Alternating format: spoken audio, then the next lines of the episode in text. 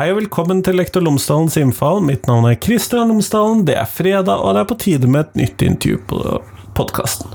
Jeg holdt på å si på skolen, eh, men dette er jo en skolepodkast, så det må vi nesten leve med. Denne gangen så snakker jeg med Aksel Fjelldavli i Tankesmien Agenda. Han har vært medredaktør sammen med kunnskapsminister Tonje Brenna på en bok om ungdomsskolen, om Hode, hender, Hode og hender heter boken, og boken handler jo da om teori og praksis, og kanskje også behovet for en ungdomsskolereform, og hvordan ungdomsskolen skal se ut i fremtiden.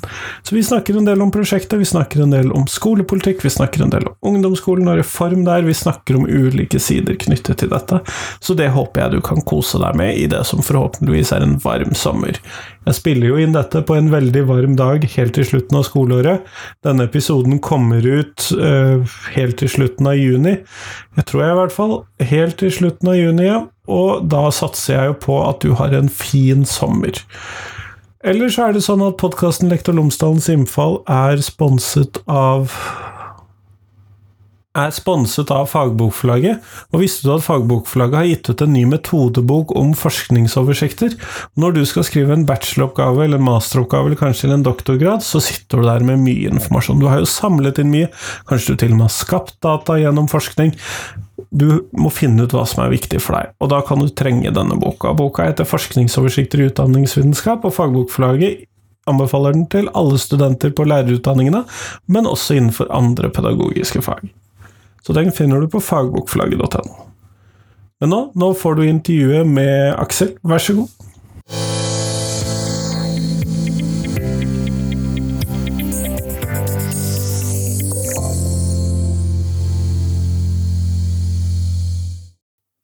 Aksel Fjelldavli, tusen takk for at du har tatt deg tid til meg i dag. Tusen takk for å bli invitert. Før vi kommer sånn helt i gang, så hadde jeg håpet at du kunne fortelle lytterne mine tre ting om deg selv, sånn at de kan få bli litt bedre kjent med deg. Mm. Eh, jeg jobber til daglig i noe som heter Tankesmien Agenda, som er en eh, sentrum-venstre-tankesmie som jobber med eh, politikkutvikling. Um, skriver utredninger, uh, deltar i det offentlige ordskiftet. Prøver å få folk til å møtes for å diskutere politikk og bidra til uh, ja, en levende uh, offentlig, offentlig, debatt. Uh, av uh, utdanning så er jeg statsviter, så det er jo politikk og det politiske systemet som jeg har gått på skole og, og, og, studert, men jeg har jo alltid hatt en spesiell forkjærlighet for skolepolitikken. Altså, noe av det kommer jo hjemmefra med en mamma som er lærer, og alltid liksom, diskusjoner om skolen og det politikerne gjør, og det man gjør på skolen, og hvordan det ikke alltid går i, går i takt. Eh, og så eh, var jeg jo også leder i Elevorganisasjonen i sin tid, og jobba jo med skolepolitikk på, på fulltid da, i, i um, to år. Men nå begynner jo det å bli et uh, halvt liv siden for, uh, for min del. Tida, tida går fort. Og så tredje ting, ja. På fritida så er jeg pappa. Han bruker mye tid med toåring, snart treåringen. Det er jo ja, mye av det som gir livet, livet mening. Det er, ikke, det er ikke bare jobb. Det hørtes veldig bra ut. Du har jo nå vært eh, medredaktør på en bok. Eh, du har jo hatt en litt spesiell eh, hovedredaktør, eller medredaktør, jeg er litt usikker på hennes tittel i denne sammenhengen. Det er mm. sjelden statsråder er redaktører for bøker i, mens de jobber. Kunne du fortelle mer om dette Hode og hender-prosjektet? Ja, eh, dette er jo ei bok som eh, Tonje Brenna eh, er redaktør for, men hvor jeg har hjulpet til med å sy sammen. Og det er jo et eh, stort eh, praktisk arbeid med å ringe rundt til eh, bidragsytere og, og, eh, organisere og sånn. Det har jeg bistått med. Det er jo ei bok med 24 ulike uh, forfattere som, uh, som, skriver om skolen fra, fra, sitt perspektiv. Og her er det jo både det lærere, selvfølgelig, men også uh, politikere, forskere, folk fra organisasjonslivet med liksom, praktiske erfaringer fra skole og, og, arbeidsliv. Og en litt sånn intensjon her har jo vært å åpne opp skoledebatten for litt flere stemmer enn de som nødvendigvis diskuterer skolen, skolen til daglig. Og så er det jo ei bok som har et par liksom, hovedpåler der, sånn vi har organisert det. Det, det handler om eh, læring og det praktiske i skolen. Eh, det handler om yrkesfag. Eh, det handler om tilliten til de som jobber i skolen. Eh, og så handler det om eh, skoler som en samfunnsinstitusjon, egentlig. Altså hvordan det ikke bare handler om, om eh, at man skal lære masse og lesing for sitt eget liv, men hvordan skoler bygger gode samfunn, gode lokalsamfunn. Og du, jo, du, sier jo det at man åpner opp for noen stemmer som ikke så ofte er med i skoledebatten. Noen av stemmene som dere har med, er jo hva skal vi kalle det, mer enn litt kjente fra skoledebatten. Absolutt. Absolutt. Men det var en ganske god blanding av disse stemmene? Ja. Eh, for folk som eh, jobber på feltet, så er det jo ikke ukjent å høre fra Steffen Andal f.eks., som er leder i Utdanningsforbundet, eller Gudmund Hernes uh, også er jo et kjent navn i, i, i, feltet, selvfølgelig. Men så har du jo noen som eh, Lucy Myrheim, som jo kommer fra Elevorganisasjonen, men som ikke er leder, men som skriver om det å, å gå på yrkesfag på en liten plass, eller um, um, Amal eh, Haj, som eh, er leder for eh, det som heter Norsk Folkehjelp Solidaritet Ungdom, som skriver om eh, skoler som en, en, en, viktig for å bygge demokrati. Eh, Sandra eh, Aaberg Kristiansen, som er elektriker, skriver om det å velge eh, yrkesfag som, som jente. Da. Så eh, ja, et mål om å få ei god blanding av perspektiver. Da. Og da er jo spørsmålet hva er hovedin... Før vi kommer til ditt bidrag inn i dette, mm. for, så hva er liksom hovedintensjonen med et sånt prosjekt? Hvis jeg skulle gjøre en gjetning, så henger jo dette sammen med det som Tonje Brenna kom ganske tidlig ut med som ny kunnskapsminister, som handlet om det å gjøre ungdomsskolen mer praktisk. Det er vel mm. kanskje noe av det som ligger i bunn for dette prosjektet? Mm. Ja, det er klart at det er en, en eh, viktig del av det å åpne en, en debatt om, om det. Eh, jeg tenker at det er litt sånn eh, politikk blir til, er at det, det diskuteres. og Fordelen med ei bok er jo at det kan skrives litt, litt lengre tekster. Argumenter kan skrives helt ut. Ikke bare disse talepunktene som, som politikere f.eks. drar i offentligheten. Og Eh, dette med en mer praktisk skole er jo noen ting som går igjen i, i flere av, av, bidragene. Og, og Elise Djupedal bl.a. skriver jo om, om historier til ungdomstrinnet. Og hvordan det har vært fram og tilbake med hvor, hvor stor plass det praktiske har i skolen. Og det er jo, det er jo slående hvordan ungdomsskolen i sin tid var jo en sammenslåing av en mer yrkesfaglig, en mer allmennfaglig orientert institusjon.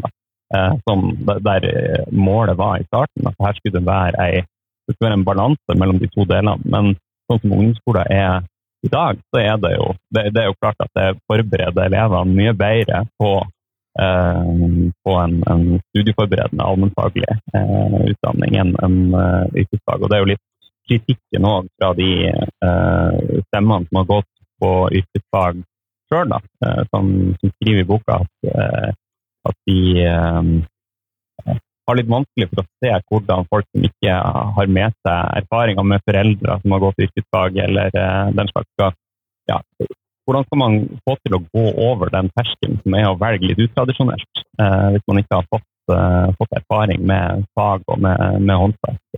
Ja. Ja, jeg har jo også vært en av de som har kommet med denne kritikken innimellom. Dette at jeg oppfatter ungdomsskolen som veldig mye mer teoretisk enn videregående er nettopp av at man der har den oppdelingen i flere ulike varianter.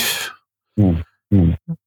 Men hva er det du da har Hva er ditt bidrag da inn i den ja. store teksten, bortsett fra selvfølgelig å lese og redigere masse tekster? ja.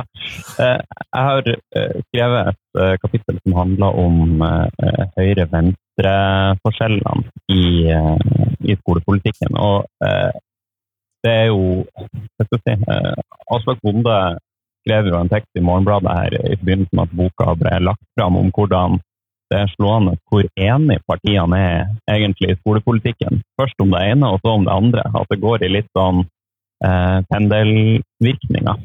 Eh, og jeg tror jo det er et inntrykk som eh, en del har òg, at, at eh, man er enige om de store linjene. ikke sant? Uh, partiene var enige om uh, at seksåringene skulle inn i skolen. De var enige om at man skulle innføre Kunnskapsløftet. Det var liksom den innføringa ble styrt av både en Ap-statsråd, en Høyre-statsråd og en SV-statsråd, uten at det var liksom de eh, store eh, endringene i hvordan det skulle, skulle se ut. Da. Men eh, et poeng for meg er å få fram at det er noen eh, skillelinjer der som har ligget der også over tid mellom, eh, mellom høyresida og, og, eh, og venstresida i politikken. Og det gjør jeg jo spesielt å se på programmene til partiene, sånn som de foreligger nå, da.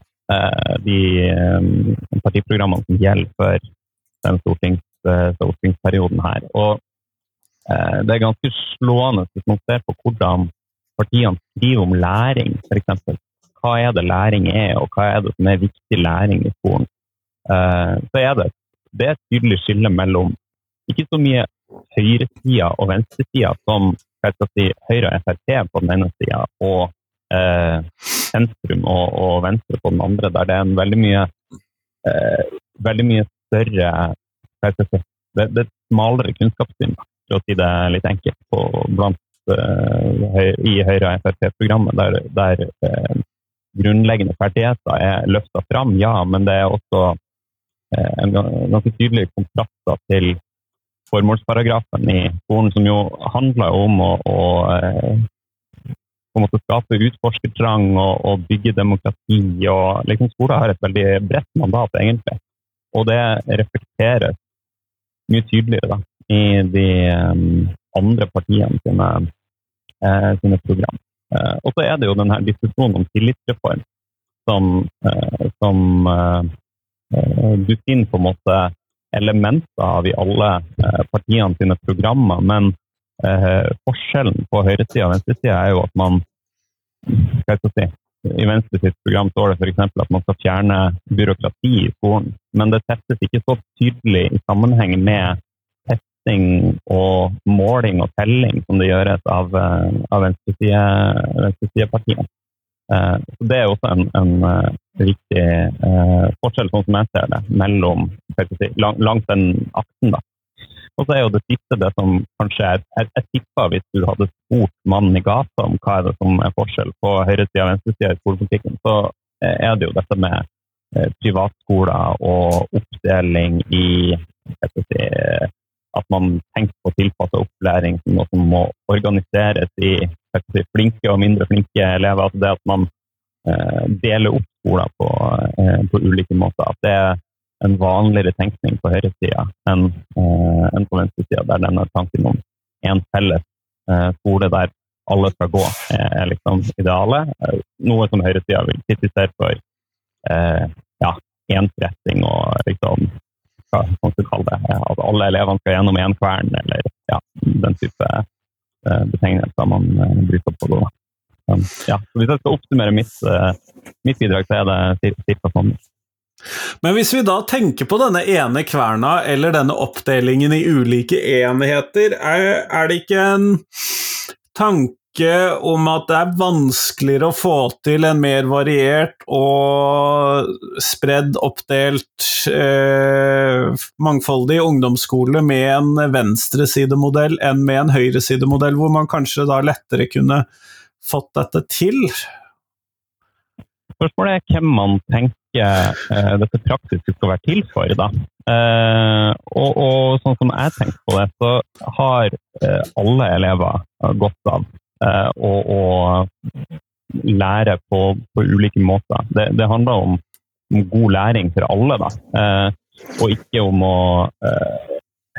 skille ut noen elever som er spesielle og må lære på en spesiell måte. det, det er blant annet det her argumentet om, om uh, hvordan man får flere til å velge eh, utradisjonelt. Få, flere med, med foreldre som er advokater til å velge yrkesfag. Hvordan får man til det, liksom? Eh, og, og hvis, man, hvis, det da skal være sånn at elevene skal velge seg til en yrkesfaglig eller en allmennfaglig retning, sånn som det er jo et tendenser til i, i um, det forslaget til ungdomsskolereform som Høyre la fram også, med sånne eh, profilskoler med yrkesfag, som de snakker om der på ungdomsskolenivå. Eh, så, vil man jo eh, Da vil jo de elevene som ligger yrkesfag nærmest, også velge seg til yrkesfag på ungdomsskolen. Og det Ja, jeg, jeg tenker det har en, en, stor verdi om man åpner mulighetene for å velge for flere gjennom at, at, at flere får møte eh, håndverk da, i, eh, i ungdomsskolen. Mm. Dette vil jo kreve en ganske, hva skal vi kalle det, omstrukturering av lærerstokken i ungdomsskolene, da?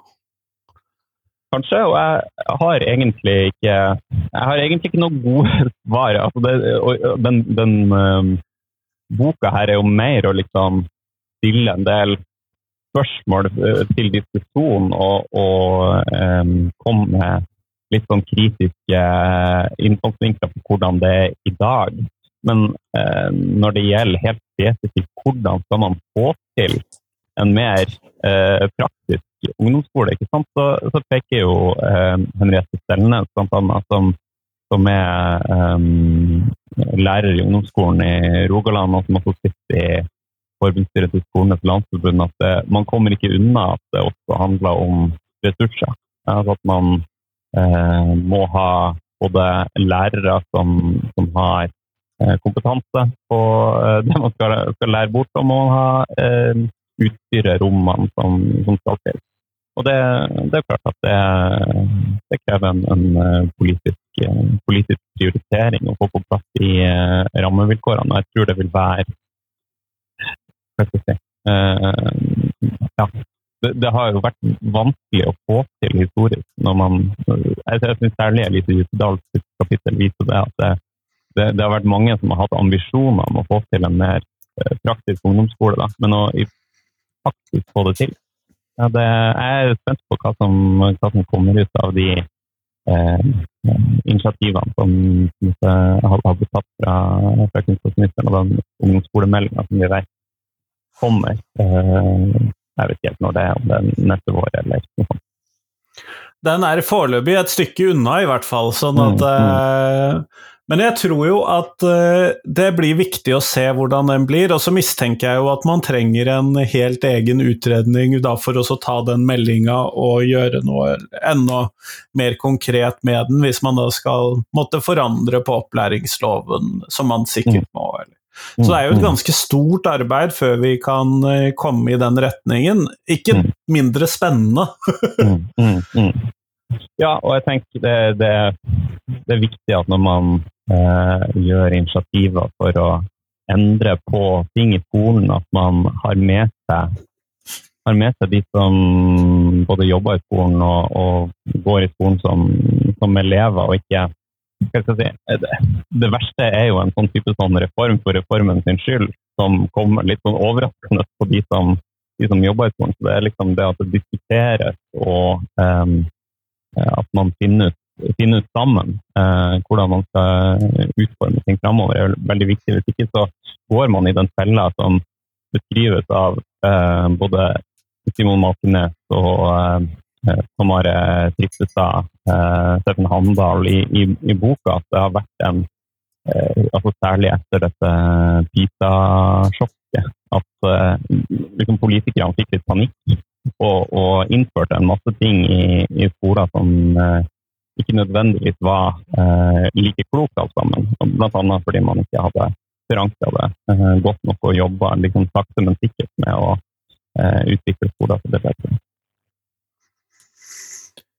Ja, og jeg tror jo det der hvis vi Men dette gjelder jo også For du snakker jo da om denne panikken som eh, de skisserer. Og vi merker jo den stadig vekk, egentlig, i veldig mye hvordan både vi som foreldre og media og politikere snakker om skolen. fordi at uh, det er, blir jo alltid slått veldig stort opp om at nesten uansett hva det er, så ødelegger det barna og samfunnet og fremtiden og Enten det er for mye teknologi, eller det er for lite teknologi, eller det er feil fag, eller feil eh, eh, Vi bruker alltid de store orda om mm. skolen. Eh, mm. og, det, og det er så rart, fordi det er jo på en måte det er jo det kjæreste vi har, som, som går der. Og, og jeg hørte mellom linjene referanser til den skjermdebatten som har gått i det du, det du sier. og det er klart at det her er jo eh, si, ekte foreldre sine ekte frustrasjoner med hvordan, eh, hvordan skolen eh, er da, fra deres, deres, perspektiv. Og så er det jo et, en mediedynamikk rundt det òg, selvfølgelig. Men man kommer ikke utenom at skoler er ikke Altså, det er også foreldrenes perspektiv på hva som er en god skole, som må, som må forme hvordan skolen er. Og det er litt, sånn, litt inngangen min til det kapitlet jeg skriver også, er liksom, hva er det fellesskapet vil med skolen? Fordi skolen gjør jo også eh, en, en, jobb for hele, hele samfunnet. Da. Og da trenger vi også en levende diskusjon, eh, diskusjon om, om retninga. Så tenker man som lærer kan være enig eller uenig eller frustrert over hvordan debatten om skjerm eh, spiller seg ut. Men det var uh, Jeg så noen skrev hvor det var på Twitter eller noe at vi, får det, det foreldreopprøret vi fortjener. Og jeg tenkte den, det engasjementet rundt skolen burde, burde man liksom som fellesskap prøve å kanalisere inn i endring som som, eh, om det nå handler om eh, at eh, elevene ikke har oppe mobilen, eller om det handler om at man skal gjøre skolen mer praktisk, eller om det handler om å få på plass mer eh, trykte læremidler. Altså, det, det, vet vi jo fra undersøkelser at, at mange lærere sjøl eh, oppgir at de gjerne skulle brukt mindre digitale eh, virkemidler i skolen. Og det handler jo bl.a. om at kommuner ikke legger til rette for Eh, metodefriheten eh, til lærerne. Eh, spare penger ved å bruke bare digitale verktøy da, noen steder. Så det er liksom Ja. Den, det, det, foreldreperspektivet i skolen er også viktig i den liksom, demokratiske ramma rundt det. da. Mm.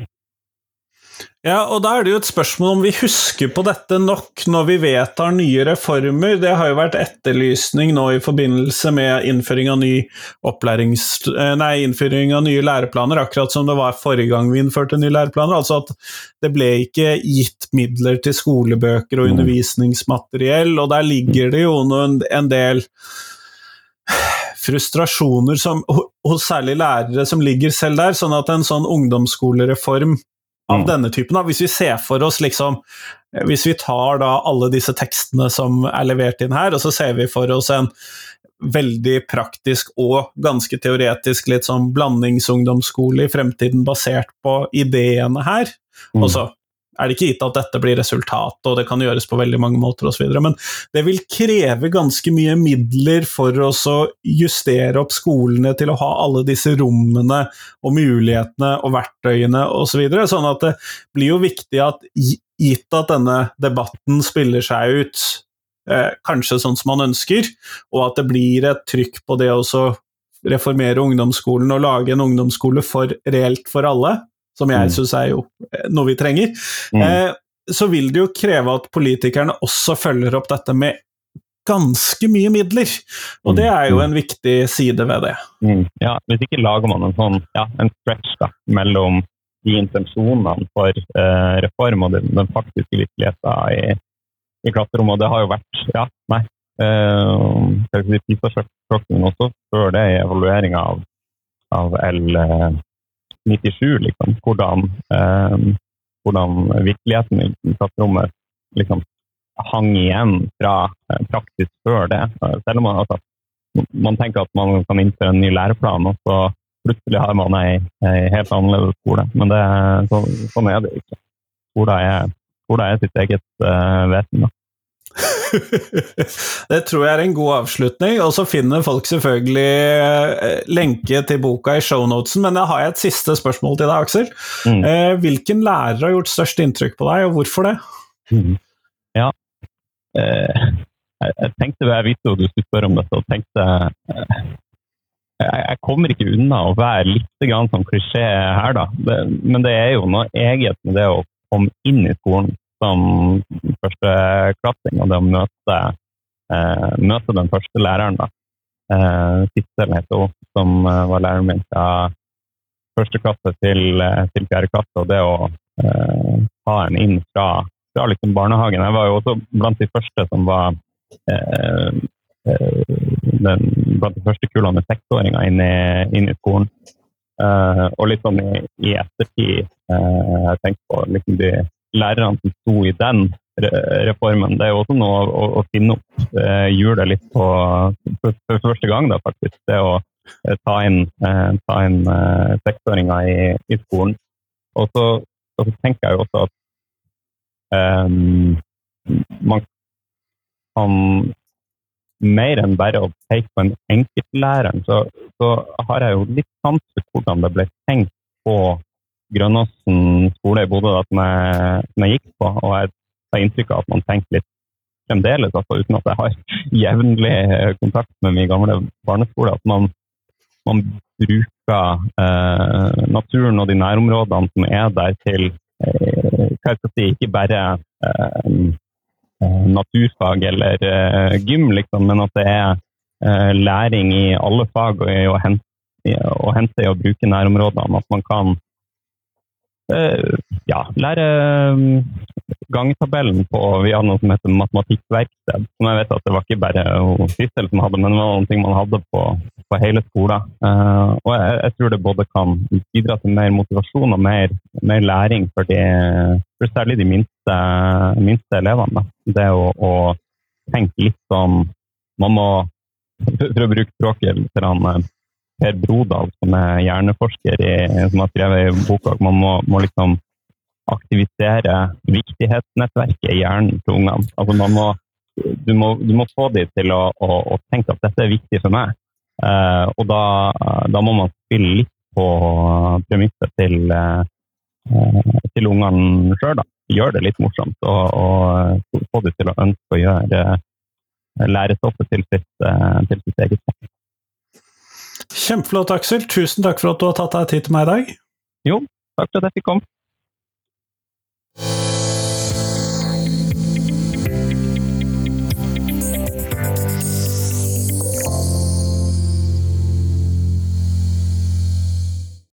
Tusen takk til Aksel, tusen takk til deg som hørte på, og god sommerferie. Jeg tenker at vi skal nyte dette her. Du har kanskje sommerferie, jeg har jo ikke det. Det vil si, jeg har veldig mye mindre sommerferie enn det du har, siden jeg nå jobber som doktorgradsstipendiat og ikke som lærer. Men jeg satser på at du har en lang og god sommerferie, og at du deler podkasten min med noen som du tror vil sette pris på den. Ha en fin uke, ha en fin måned, ha en fin sommer. Hei, hei.